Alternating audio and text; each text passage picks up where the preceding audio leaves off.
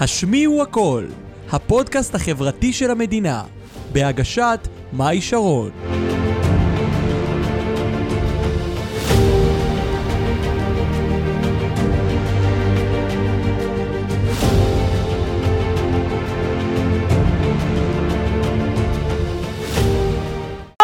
ברוכים הבאים לפרק 23 של הפודקאסט החברתי הרשמי והראשון של המדינה, השמיעו הכל. שמי מאי שרון המנחה הגבוהה של הפודקאסט. איזה כיף שאתם איתנו, צופים ומאזינים. היום בפרק אני מארחת את יוליה סודקוב. הצלחתי! הצלחת. אולי, אולי בסוף הפרק אני לא אצליח, אז תצטרכי להזכיר לי. אין בעיה. מה שלומך? מעולה, מעולה, מה נשמע? בסדר, איזה כיף שאת פה. תודה. אה, אני ויוליה מכירות מפה, מהיישוב שבו אנחנו גרות, אנחנו מתאמנות ביחד בסטודיו לכושר. אני רוצה קצת לספר לכם על יוליה ולמה הבאתי אותה. אז קודם כל, יוליה באמת יש לה שלל, היא באמת אה, מתעסקת ברב תחומים, בתחום החינוך, בתחום החברתי, באה במגע עם הרבה הורים וילדים ובני נוער, באמת, עושה את זה המון המון שנים. כמה שנים את עושה את זה, יוליה? קרוב ל-20 שנה. 20 שנה, וואי, חשבתי פחות. אז, אז תראו, את ה- אז ת, תבינו את, את גודל הניסיון. קודם כל היא אימא. אחרי, אחרי שהיא אימא, היא קודם כל אה, הייתה יועצת חינוך, את עדיין יועצת חינוך, עדיין. נכון? עדיין יועצת חינוך בבתי הספר, היא גם מדריכת הורים, מטפלת רגשית בשיטת ה-CBT, מי שמכיר, והיא גם פסי, פסיכותרפיסטית. נכון. יפה. אה, אז היום אנחנו באמת הולכים להתעסק בתח... עוד יותר בתחום של החרם, עוד יותר בתחום של המימוניות החברתיות, עוד יותר איך לעזור לכם ההורים להיות הורים יותר טובים, איך לעזור לכם לזהות חרם, איך לזהות לכם, איך, לז... איך לעזור לכם לזהות שהילדים שלכם מתקשים במימוניות חברתיות, מה הסימנים, מה נורות אזהרה, בקיצור, הרבה הרבה דברים על הפרק, הרבה הרבה נושאים. יאללה יוליה, את מוכנה לעזור לי להציל כן. את המדינה? בוודאי, יאללה, אז בוא וואי, נעשה את זה. כיף. איזה כיף. אני, אני, אני אישית מתרגשת, יש הרבה מה ללמוד. ממך. תודה. טוב, אז בתור מישהי שבאמת מתעסקת בשלל תחומים עם הורים וילדים, איזה כלים את יכולה לתת להורים שהילד שלהם עובר חרם? אני חושבת שהטיפ הראשון, הדבר הראשון זה באמת לראות האם הילד יוצא מהבית, אם הוא נפגש עם חברים, אם הוא יוצא מהבית, מה הוא עושה בזמן הפנוי, כמה זמן הוא נמצא בחדר שלו מול המחשב, מול המדיות החברתיות. אני חושבת שזה הדבר הראשון, שזה צריך להיות הסממן הראשון. אז נכון, זה מאוד תלוי גיל.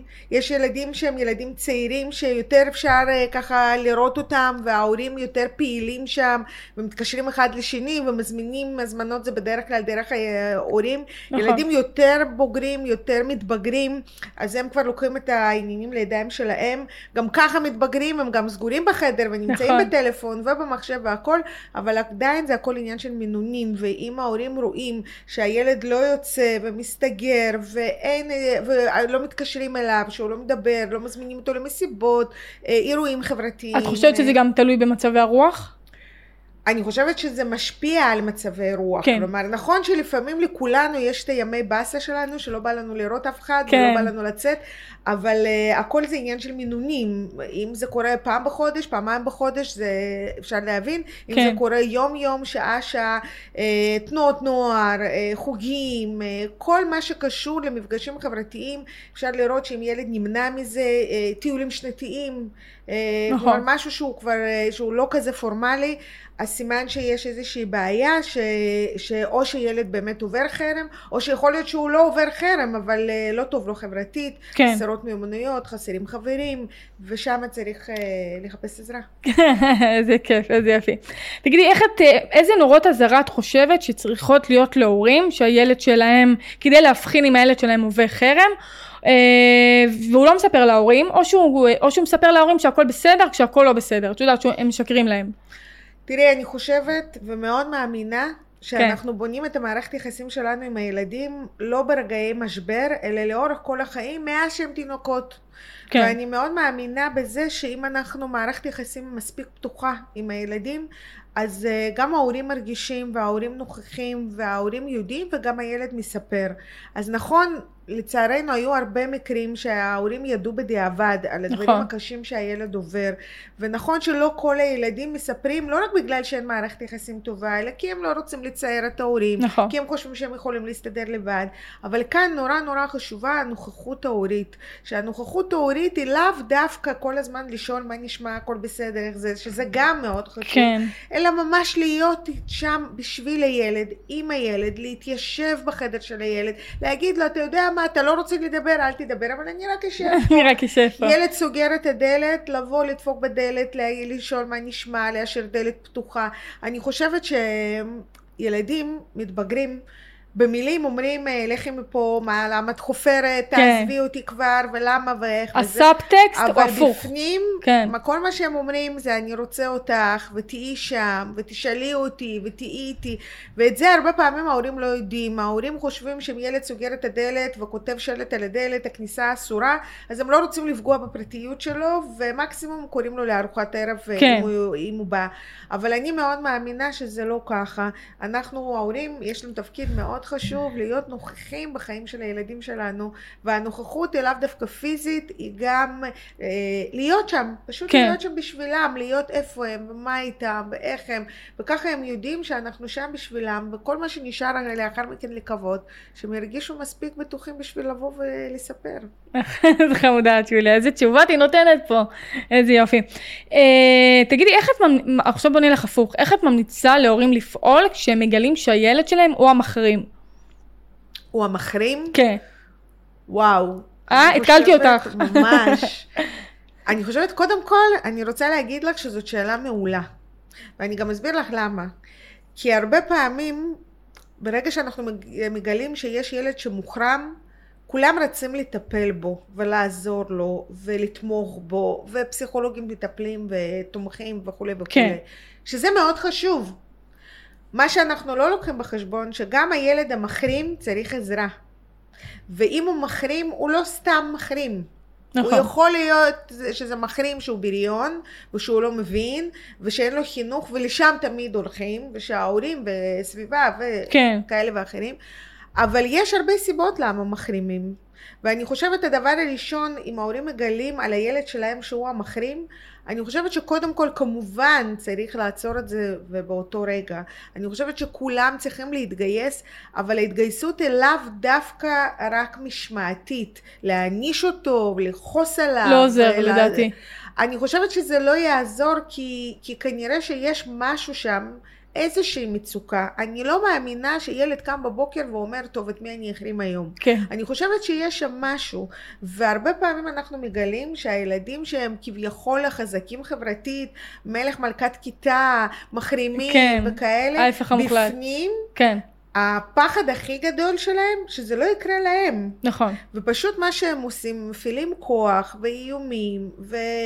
ודברים שהם לא לגיטימיים, אבל כל מה שהם רוצים בסופו של דבר שיראו אותם. כן. ולכן העזרה בשבילם, שהיא עזרה יותר רגשית, שהיא עזרה יותר תומכת, ולאו דווקא משמעתית, היא בעיניי חיונית.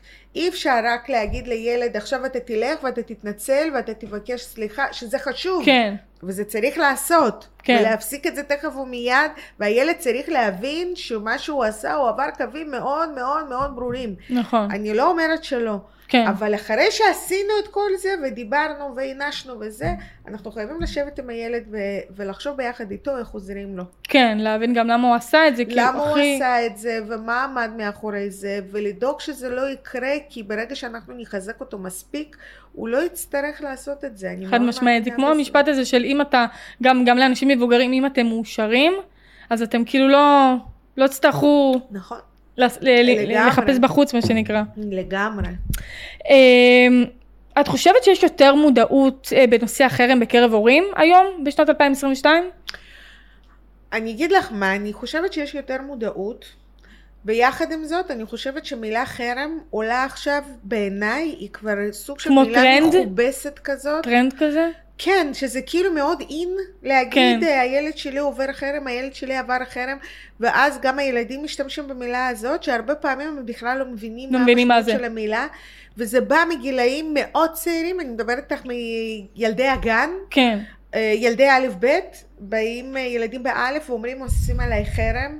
ההורים שצועקים עושים על הילד שלי חרם ואני דואג ש... כלומר זה הופכת להיות, זה סוג של כמו זאב זאב, כן. שהחשש הוא שכשזה יקרה תכלס, שכבר אף אחד לא יתייחס ולא יאמין כי, כי אנחנו שומעים את זה כאנשי חינוך כל הזמן. ומה שאנחנו כל הזמן אומרים, ילדים רבים, כן. וזה בסדר, בחברה אנושית טובה אין דבר כזה שאנשים לא מתווכחים ולא רבים ולא מסתכסכים ולא נכון. מתכסכים ולא זה. אבל מפה ולהגיד שהילד שלי עובר חרם, הדרך היא מאוד מאוד מאוד מאוד כן, ארוכה. יש הרבה שלבים. נכון, ואם יש שתי חברות, ושתי חברות האלה עכשיו רבו, וחברה אחת הלכה לחברות אחרות, והיא לא רוצה לדבר עכשיו עם הילדה שהיא רבה איתה, זה לא אומר שהיא עושה עליה חרם, זה אומר שיש שתי חברות שרבו, וכל אחת צריכה למצוא את הדרך את הז- שלה. גם את הזמן. את הזמן שלה, את הדרך שלה, את הקבוצה שלה, את החברות האחרות שלה, והכל בסדר. ולכן הרבה פעמים אני חושבת שלפני שאומרים חרם חרם, אנחנו צריכים להסביר לילדים את המשמעות בכלל, מה זה הדבר הזה. כן. ולכן כשאני, כשבאה אליי ילדה או ילד ואומר, אה, הם עושים עליי חרם, ואני יושבת ומסבירה לו מה זה חרם, אז אחרי דקה הוא אומר, לא, לא, מה פתאום, זה לא זה, זה לא, לא, לא. ו- וזה נורא נורא חשוב, כי אחרת יש תחושה כזאת לפעמים שכל החברה שלנו מוחרמת, שכולם עושים נכון. חרם על כולם, ואז באמת לא רואים את הילדים האלה, המוחרמים. שכל כך צריכים עזרה. נכון. כי, כי כבר לא, כי עוד פעם זה הפך להיות טרנד כן, כזה. להגיד. הילד שלי לא, אני. אני גם רואה אצלי ברשתות שכל בן אדם אומר חרם חרם ואני כאילו רגע חבר'ה חרם זה לא יש הרבה שלבים עד לחרם כן יש את הניצוצות דברים נורא נורא קטנים אבל מפה ולהגיד אני עובר חרם אני גם שמה לב לזה ברשתות שזה פתאום נהיה טרנד נכון. וזה לא טרנד זה חיים של ילדים נכון, זה טרנד, אני רואה מלא שמעלים כל מיני פוסטים מההורים. עכשיו תראי, ההורים, החשש הכי גדול של ההורים, שהילד שלהם לא יסתדר חברתית. נכון את ככה אמרת, ב- כשהתחלת אה, והצגת אותי, אמרת היא אימא. נכון וגם אני כאימא, הפחד הכי גדול שלי, שהילדים שלי לא יסתדרו חברתית. שיהיה מצב שהילד שלי יהיה בודד, יהיה לבד, או חס וחלילה יהיה מוקרם. כן זה מנהל אותנו כל הזמן, ולכן אנחנו כל הזמן צריכים להיות עם יד על הדופק. אבל היד על הדופק לא צריכה להיות עם מי, מי לא דיבר איתך, מי רב איתך, כן. מי לא מדבר, מי, מי מחרים אותך. היד על הדופק היא צריכה להיות לכיוון החיובי, עם מי את משחקת, ואת מי את מזמינה, ומי מזמין אותך, ולמה את, גם כשאת יושבת בבית, למה לא בא לך, לא מעניין אותך, כן לא הזמינו אותך, כן הזמינו אותך, כלומר זה צריך להיות בלתת כלים לילד ולהגיד לו מה כן, באשר מה לא במקום לחפש מה לא. את יודעת, לפני כמה שנים ישבתי באיזשהו מקום, ואז אה, עם אה, מישהי, וילד שלה חזר מבית ספר, ואז היא שאלה, נו, עם מי רבת היום? עכשיו, כשאת שואלת את הילד עם מי רבת היום, התשובה ההגיונית של הילד, כן. זה רבתי עם דני, יוסי, כן. זה, ואז בסוף, אה, עם כל כך הרבה, אז כנראה אתה עובר חרם. אבל במקום לשאול, "ת- עם מי שיחקת היום, מה כן. עשית היום, מה הכיף שהיה לך היום? אני חושבת שבעידן של היום אנחנו כל כך פוחדים מזה. שזה קורה בדיוק. המחשבות זה המציאות, בדיוק. אני חושבת שגם אה, אצלי ב- ברשתות אני גם רואה הרבה ילדים שאומרים אני אוהב רחמים עצמיים אני אוהב את התשומת לב נכון. והם לוקחים וזה זה לא טוב זה לא טוב כי נכון. זה לא כי גם, אני גם אומרת הרבה פעמים להורים, שנושא שהופך להיות אישיו, הוא אף פעם לא ייעלם. נכון וילדים הם מאוד מאוד רגישים לאישויים. נכון ואם אני עכשיו חוזרת הביתה, ואני מספרת לאימא שלי, אפילו במקרה, שהיום רבתי עם חברה, ואז היא יושבת איתי ומדברת איתי ונותנת לי עצות, ואני אומרת, וואלה, כאילו, מתי פעם אחרונה ישבתי ככה עם אימא על כוס קפה לדבר איתה חד? משמעית אז אני יום למחרת, אני אבוא ואני אגיד, אמא, את יודעת מה? גם היום לא שיחקו איתי, כן וגם מחר לא שיחקו איתי. ואז באים מורים לבית ספר, ואני כיועצת בית ספר, ולפעמים אנחנו יושבים ואומרים, רגע, אבל זה לא נכון. והיא ילדה פעילה והיא יוצאת, אז נכון, לא מלכת הכיתה ולא כולם אחריה, אבל יש לה חברות. וההורים אומרים, רגע, אבל היא כל יום בוכה בבית, שאין כן. לה חברות ושאין להם מי לשחק, ואנחנו כבר רואים סרטים. ולכן אני כל הזמן אומרת, אנחנו צריכים לתת תשומת לב, ואנחנו צריכים להיות כל הזמן עם יד על הדופק, אבל הרבה לראות מה כן, נכון ולא רק מה לא. וגם איך לטפח את הילדים מבחינת ביטחון עצמי בטח. וכל הדברים האלה בטח. חד משמעית ולטפח ילדה, ילד עם ביטחון עצמי זה לא רק לשבת ולהגיד, אוי, עוד פעם לא, הם לא בסדר, כן. אתה בסדר והם לא בסדר, כן אתה תראה להם מה זה, זה קצת לא. זה חד משמעית לא לא. אמ, תגידי אז באמת אה, איזה קשיים הילדים של היום עוברים בתחום החברתי? הקשיים את יודעת הכי בסיסיים שכמעט כולם עוברים. תראי, אני חושבת ש... קודם כל החברה שלנו היא מאוד תחרותית. או, נכון. ואחד הקשיים זה באמת אה, למי יש, למי אין, מה יש, מה אין. אה, אין לך פלייסטיישן, כסף, לא זה סובב הרבה. סביב כסף. אה, משעמם לי אצל חבר כי אין לו במה לשחק. כן. היום זה כבר לא משחק קופסה את פאזלים. את יודעת אולי תחרות, השוואות גם. השוואות, כן, משחק זה ממש השוואות. ככה. כן. עכשיו גם כל הנושא של צו תסכול, לא נותנים לי אז אני מתפרץ, זה לא כמו שאני רוצה אז אני בורח, ילדים משחקים, ילד הפסיד אז, אה, אז הוא נעלב ויוצא כן. מהמשחק. אין גבולות אני חושבת. גם אין גבולות וגם עוד פעם, אני חושבת שהבסיס הוא ללמד ילד מגיל מאוד מאוד צעיר מיומנויות חברתיות בסיסיות, שזה אה, איך אני פונה לאנשים, מה קורה כשאני מפסיד, איך אני יוזם, איך אני נכנס לקבוצה, שזה מיומנות קצת יותר מורכבת, כן. שהיא קשה ו- ולא כולם יודעים לעשות את זה. אז הרבה פעמים הילדים נורא רוצים להיות בחברת ילדים והם לא יודעים איך. איך? ואז או שהם עומדים ליד ולא לא משתפים אותם כי לא תמיד מבינים נכון. מה, מה הוא עומד פה אז בסדר שיעמוד פה ואז הוא חוזר הביתה ואומר "אה, כולם שיחקו רק אני לא שיחקתי כן. ואז ההורים ישר מה ופה ומחרימים הנה כן. כולם שיחקו כדורגל רק הילד שלי לא שיחק אבל הוא לא ביקש נכון. ולכן אני אומרת ש, שזה גם, כלומר אני חושבת שכבר בגילאים מאוד צעירים ההורים היום מאוד עסוקים גם לתת ידע וכלים אה, שהם בתחומים הדידקטיים יותר, אוקיי. כל ההכנות לכיתה א' וזה, והרבה פחות מתמקדים בתחומים כמו תחומים חברתיים, איך אני מלמד את הילד שלי להיות חבר טוב. כן. איך אני מלמד את הילד שלי להתקבל בחברה? איזה מיומנויות אני אתן? נגיד אם ילד אה, אה, לא יודע לקבל לא. Mm, אז הורים רואים בזה שהם אומרים לו לא, ואז הוא מתפרץ או צועק וזה. אבל גם בחברה הוא הרבה פעמים מקבל לא. נכון. ואז זה, גוב- זה, זה מגיע לאלימות ולהתפרצויות ולהסתגרות ולבכי. עכשיו, גם לילדים אין כל כך הרבה סבלנות, כולם, אתה יודע, נכון. הולכים קדימה, הוא כן. נעלב, יאללה, תמשיך, תסיים להיעלב, ובוא, כן. אתה לא רוצה לבוא, אל תבוא. אל תבוא. את, את מבינה? נכון. ולכן אני חושבת שהחינוך היום הוא, הוא, הוא, הוא יותר בתחום שמגיע לי ותנו לי ולמה לא ולמה לא אני ולמה לא רואים אותי. וגם את יודעת, ההורים נורא מלמדים את הילדים, טוב, אז ניתן לו. כאילו אין את נכון. הסבלנות הזאת. אין דחיית סיפוקים. אין דחיית סיפוקים. כי אם ילד רוצה משהו וההורים כל הזמן נותנים לו, אם האחים רבים ו... וההורים אומרים לגדולים, טוב תוותר לו, כן. לא משנה, נו מה אכפת לך, נו כן. זה. עכשיו זה לא אומר שלא צריך לוותר, צריך ללמד ילד מה זה לוותר, נכון. ומה זה להתפשר, ומה זה לא זה, אבל גם צריך ללמד תמיד את הצד השני, תמיד צריך להיות גם וגם. נכון, ואז כשהם מגיעים לכיתה ואומרים להם לא, אז זה או חרם, או בריונות, או מכות, או התפרצויות זעם. נכון, נכון. תגידי, מאיזה גיל את חושבת צריכ... שההורים צריכים ללמד את הילדים את המיומנויות החברתיות? מגיל שנתיים. שנתיים? מרגע שילד גדל ומתחילה אצלו ההבנה שהוא אובייקט עצמאי, שזה בדרך כלל מגיל שנתיים, שנתיים וחצי, יש את המושג הזה, גיל שנתיים הנוראים, למה? כי זה, זה שלב שמתחילה סוג של היפרדות מההורה, שהילד מתחיל להבין שהוא יכול לבד, כן. הוא יכול ללכת לבד, לרוץ לבד, לנעול נעליים לבד, הוא יכול לבד.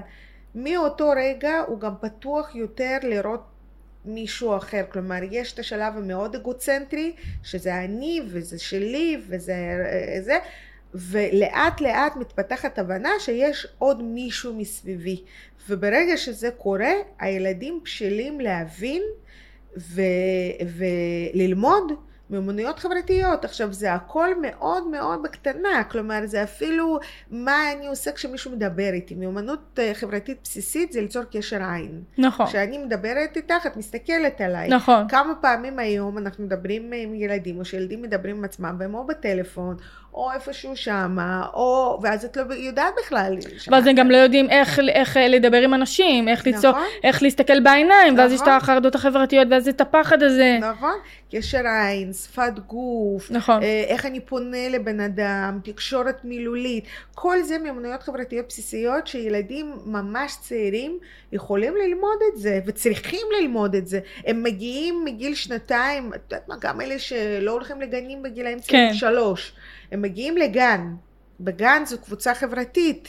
בקבוצה חברתית צריכים להיות מיומנויות חברתיות. נכון. אז זאת אומרת שמגיל מאוד צעיר המיומנויות חברתיות מתחילות uh, להתפתח. לדשדש. או לא להתפתח, כן. כן. תלוי מאוד uh, מה, יש ספר כזה, אני לא זוכרת מי כתבה אותו, פסיכולוגית, זה נקרא, אה, הוא נקרא לגדל ילד חברתי. והיא okay. מדברת שם על ילדים, על ילדי הגן, איך מלמדים ילדים להיות ילדים חברתיים מגיל 3-4. ואני חושבת שככל שנעשה את זה מוקדם יותר, ככה ילדים כשהם יתבגרו, הם אה, יהיו אנשים חברתיים יותר. עכשיו אני לא אומרת, יש ילדים שבאמת קשה להם, כן. כל מיני סיבות, יש גם סיבות אובייקטיביות, יש כל מיני סיבות שבאמת ילדים קשה להם, וכמה שההורים לא מנסים, לא כן. דוחפים. זה באמת לוקח יותר זמן, וזה בסדר, פשוט לא צריך להתייאש, ויש היום הרבה אנשי מקצוע שיכולים לעזור לאותם ילדים. לא צריך ישר לרוץ לטיפולים ולכל מיני כן. כאלה. אני מאוד מאמינה שלהורים יש מספיק כוח ויכולות, ומי שצריך אז לוקח הדרכה. איך לעשות את זה עם ילדים, בטח עם ילדים צעירים, שהם לא צריכים טיפולים וכאלה ברוב כן. המקרים, אבל אני חושבת שמגילאים מאוד צעירים, גם אני אגיד לך יותר מזה, אחים. הרי אחי. ברגע שיש יותר מילד אחד במשפחה, שניים שלושה ילדים, זה, זה קבוצה. נכון. בקבוצה צריך לפתח מיומנות חברתית. נכון. לא חשבתי על זה. לא חשבתי על זה, יוליה. כי. כששלושה ילדים משחקים, זה לא משנה אם הם שלושה אחים או שלושה חברים, מתפתחת שם נכון. תקשורת חברתית. עכשיו ההורים שמסתכלים על שלושה ילדים חבר... אה, אה, משחקים, ילדים שלהם, כשהם רבים, מה ההורים עושים? איך הם מגיבים? כשהם משחקים יפה, כשאחד לא מוותר לשני, Mm. כששניים משחקים ושלישי רוצה להצטרף. כל זה זה תקשורת חברתית אצלנו בבית. אז ברגע שיש יותר מילד אחד, עוד לפני שהוא בכלל יוצא לגן, כן. או לסביבה חברתית אחרת, הוא יכול ללמוד מלא דברים בבית. לא חשבתי על זה. פתחת לי אה, עולם, איזה יופי. אני לא בטוחה שלא רק לי. תגידי, אני רואה באמת הרבה הורים חסרי אונים, אם זה מול הילדים שלהם שהם מחרימים, ולהפך, לילדים המוחרמים. אה, את חושבת שאם ההורים עצמם לא יעשו עבודה על עצמם, הילדים אה, אבודים, או שזה לא חד משמעי? אני לא חושבת שהילדים אבודים. כן, הלכתי כן קצת קיצוני. אני כן חושבת שהעבודה היא קודם כל מתחילה מאיתנו, מההורים. נכון. בוודאי. הילדים, לא סתם אומרים הרבה פעמים שהילדים זה המראה של ההורים שלהם. כי הם מחקים אותם. הם מחקים אותם גם במילים, אבל גם בתקשורת הלא מילולית. עכשיו, גם הרבה פעמים שבאים אל ההורים ומדברים על המצב החברתי של הילדים, אז אני שואלת אותם, אני שואלת אותם, ואיך אתם הייתם בתור ילדים? כן. ואז יכולים לקרות שני דברים, או שההורה אומר, אני הייתי מסמר הערב, והייתי מאוד מקובל, מסמר ומאוד הערב. מפריע לי שהילד שלי ככה, כי הוא רוצה שהילד יהיה כמוהו, ומאוד מפריע לו שילד לא כמוהו, כן. ולכן הוא כל הזמן דוחף אותו להיפתח. באינטריגות. או שיש דברים, הורים שאומרים, אה, אני הייתי תמיד מאוד שקט, מאוד זה, ומאוד ביישן, ואני רוצה שהילד שלי יהיה ההפך ממני. כן. ואז הם דוחפים. וגם, אני שואלת, נגיד, אתם יוצאים לחברים, הילד רואה תקשורת חברתית שלכם? ואז הרבה פעמים ההורים אומרים, לא, לא. אנחנו לא אוהבים, אנחנו בבית, נו. אנחנו בזה. ואז אני אומרת, רגע, אז איזה דוגמה יש לי ילד עם תקשורת חברתית? כשאני אומרת לילדים שלי, אני הולכת לפגוש חברות. כן. כשה, כשהילדים שלי רואים שבאים אליי חברים, שאני עושה ערב חברתי אצלי בבית, אז גם דרך זה הילדים לומדים שיש איזה שהם מיומנויות, שיש תקשורת חברתית, הם לומדים איך עושים את זה, איך מזמינים. זאת אומרת, אני חושבת שמה שהרבה פעמים ההורים לא מבינים, שהילדים לומדים לא רק מתוך מה שאנחנו אומרים להם, אלא מתוך מה, איך שאנחנו מתנהגים נכון. ומה אנחנו עושים. אז אני יכולה להגיד עד מחרתיים, חברים זה דבר חשוב, למה אין לך הרבה חברים.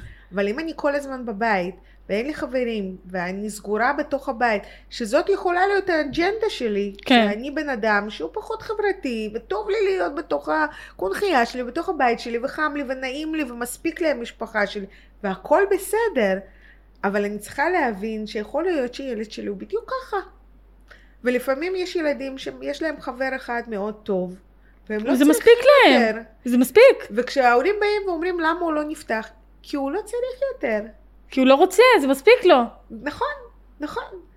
את יודעת, אתמול דיברתי עם איזושהי אימא, שהיא אמרה לי, תראי, יכול להיות שילד שלי צריך טיפול ובעלי מאוד דואג וזה, ואז התחלנו לדבר, ומסתבר שלילד יש את הקבוצה שלו ויש את החברים שלו, אבל מדי פעם יש מצבים שהוא נמצא בסיטואציה חברתית כזאת או אחרת, שהוא פחות מוצא את עצמו, פחות רוצה להיות שם. כן. ואז אמרתי לה, אבל זה בסדר. הוא לא חייב לאהוב את כולם ולהיות סחבק כמו כולם. אני אגיד לך מה הבעיה גם עם התפיסה שלנו, שאנחנו מדברים על זה הרבה בפודקאסטים. כאילו אם אין לך עכשיו מלא מלא חברים, ואתה לא יוצא, ואתה לא מבלה, לא משנה באיזה גיל, אז זה נתפס כמוזר. אז הילד שלי מוחרם, אז לילד שלי אין חברים.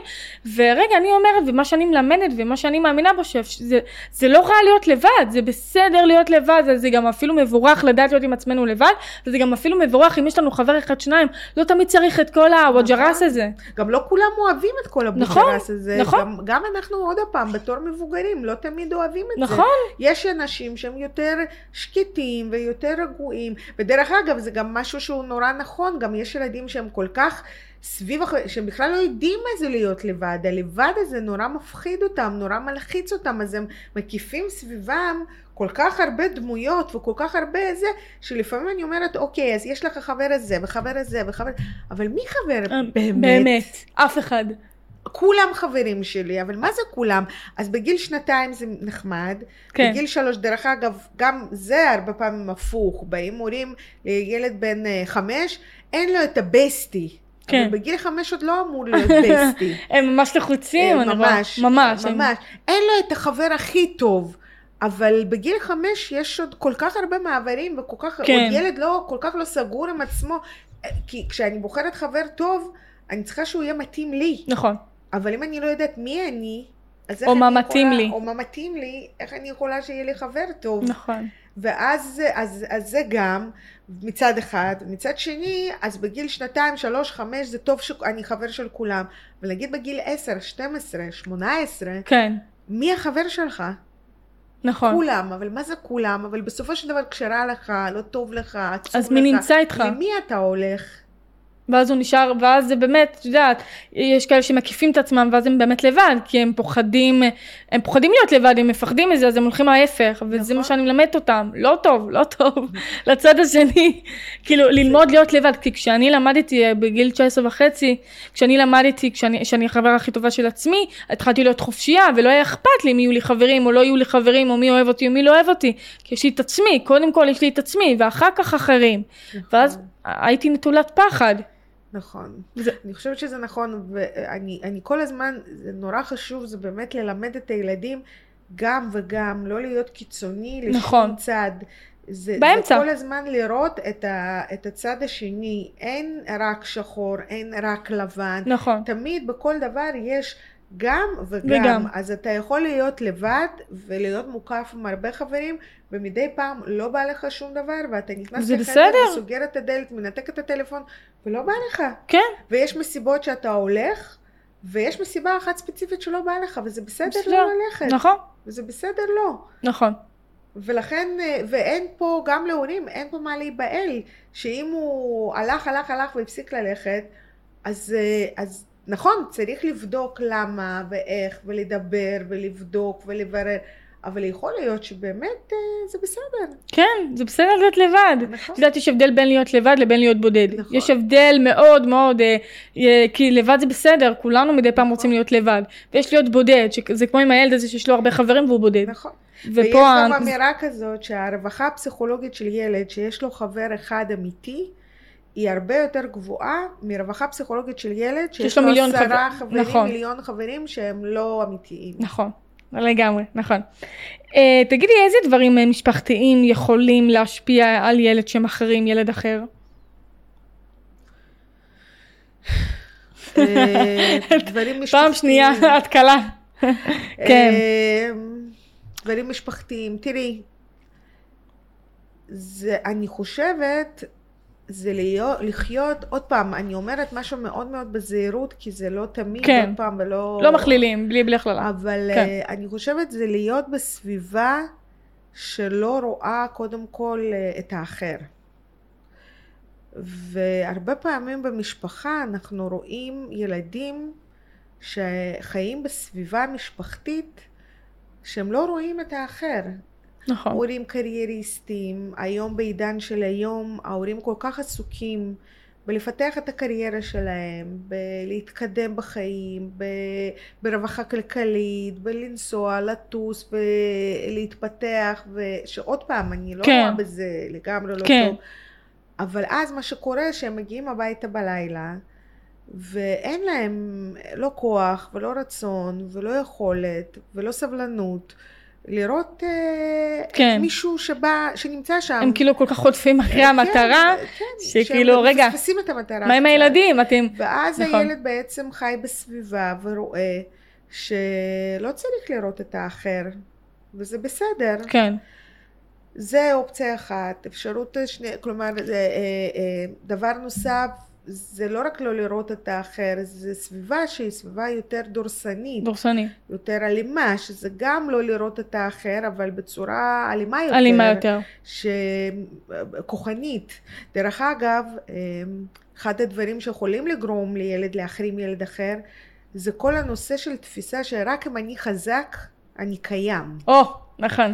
ואז, עכשיו זה מתפתח הרבה פעמים מהבית, דרך מאבקי כוח עם ההורים. נכון. שאם ילד שהוא קטן לא רוצה לעשות משהו, מכריחים אותו לעשות את זה כי אני אמרתי, כי אני האימא, ואין שם באמת דיאלוג, ואין שם חשיבה, ואין שם איזושהי פשרה או דיבור, כן. אלא משהו שהוא מאוד במאבקי כוח, אז הילד לאט לאט מתפתח תפיסה פנימית, כלומר מחשבה בסיסית, שאני שייך לקבוצה רק אם אני חזק. כן.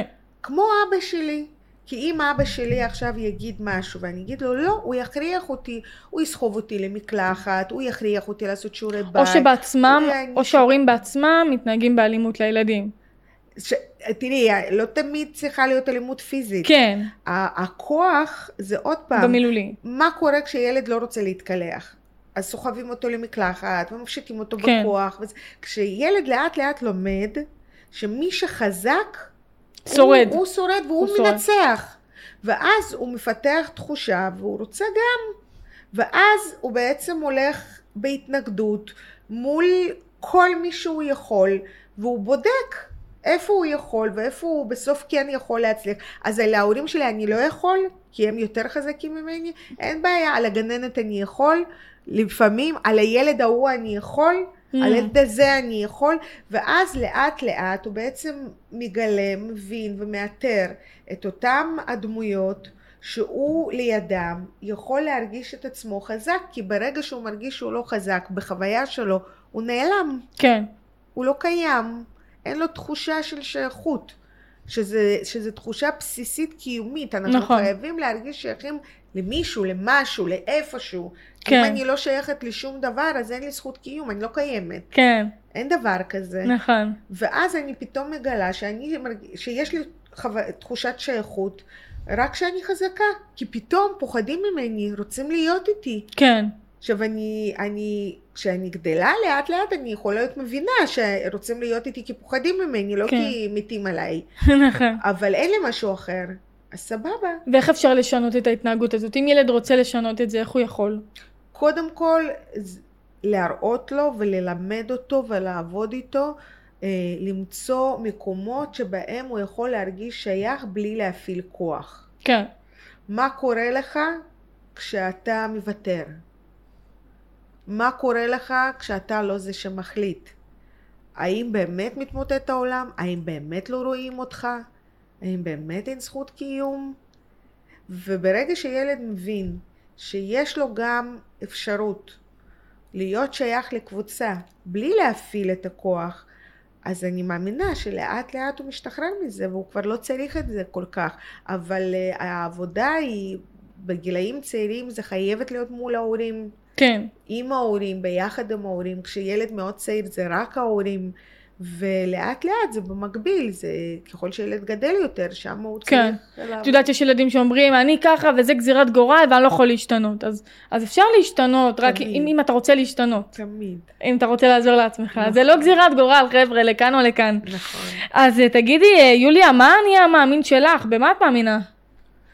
בתחום החינוך אני מאמינה שכל אחד יכול. אני מאמינה שלנו להורים יש השפעה קריטית אני מאמינה שההורה לא נולד להיות הורה, וזה בסדר לעשות טעויות. ואז כן. גם הילדים לומדים ש...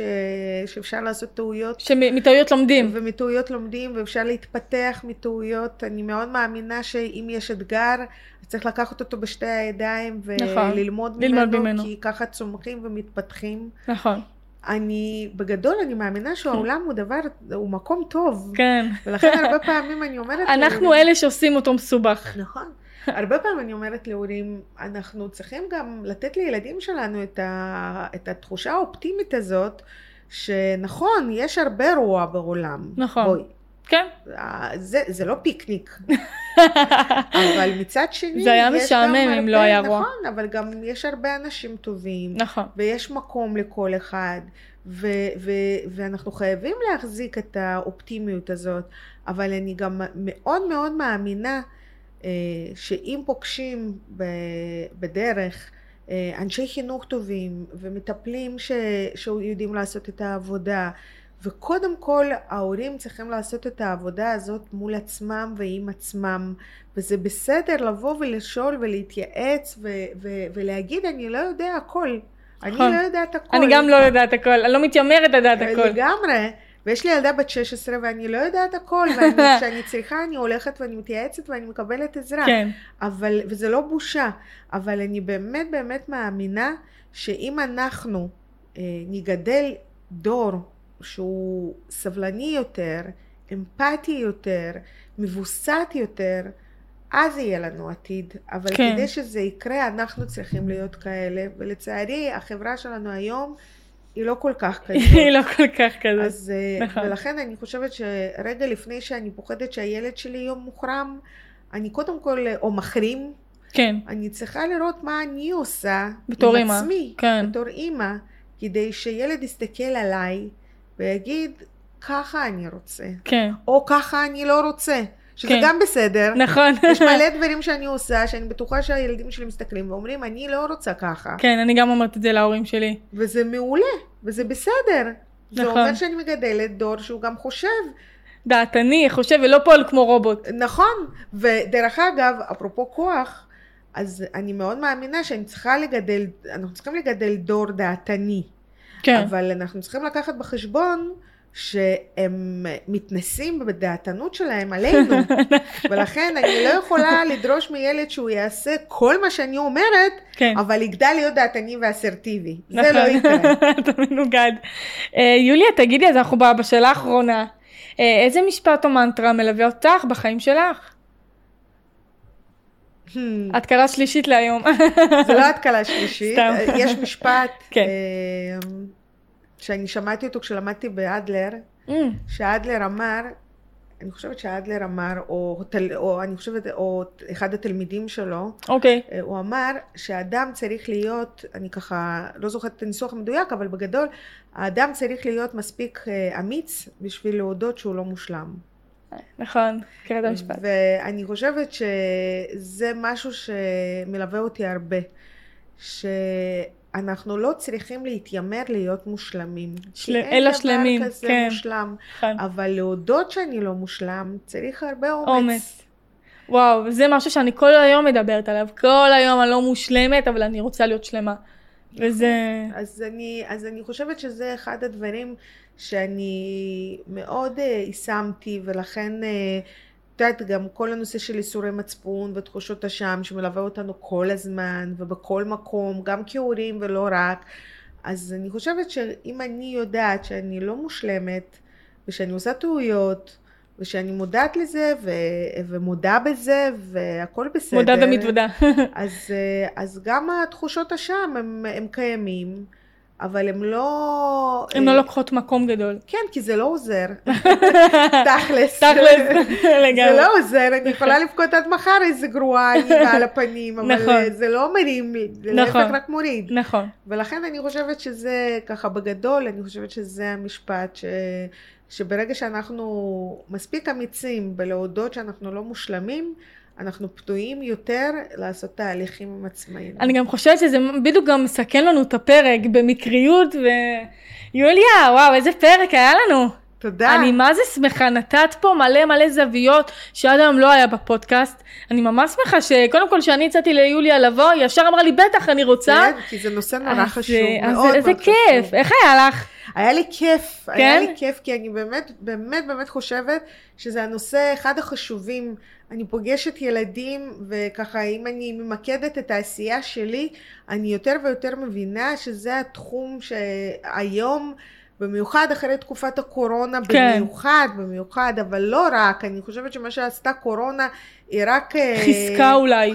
חיזקה והיא גם האיצה את התהליך שהיינו בו גם ככה. כן. אנחנו חברה שלצערי לא כל כך רואה את האחר. נכון. ו... והבדידות החברתית שהיינו מחויבים בה, אליה בתקופת הקורונה, כן, אני חושבת שהיא האיצה והציפה הציפה. את כל הקשיים שהיו שם גם ככה, ולכן אני, אני חושבת שזה זה מאוד מאוד חשוב.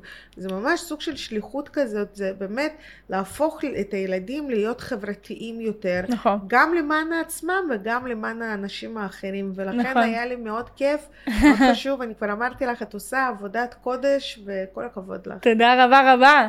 אז תודה רבה גם לכם, צופים ומאזינים שהייתם איתנו, פיניתם לנו מזמנכם, הקשבתם, ואם גם אתם רוצים לבוא ולעזור לי להציל חיים, ליצור שינוי חברתי, אתם כמובן יותר ממוזמנים לשלוח לי מייל לכתובת האישית שלי, may4282 שטרודל, קום, יוליה סוד- סודוקו.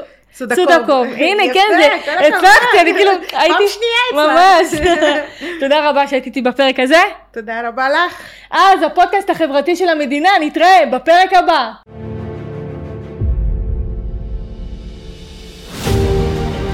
תודה רבה שהאזנתם וצפיתם בנו. אפשר לשמוע אותנו בספוטיפיי, אפל, גוגל ובכל אפליקציות הפודקאסטים, ולצפות ביוטיוב, בפייסבוק, בטיקטוק ובאינסטגרם.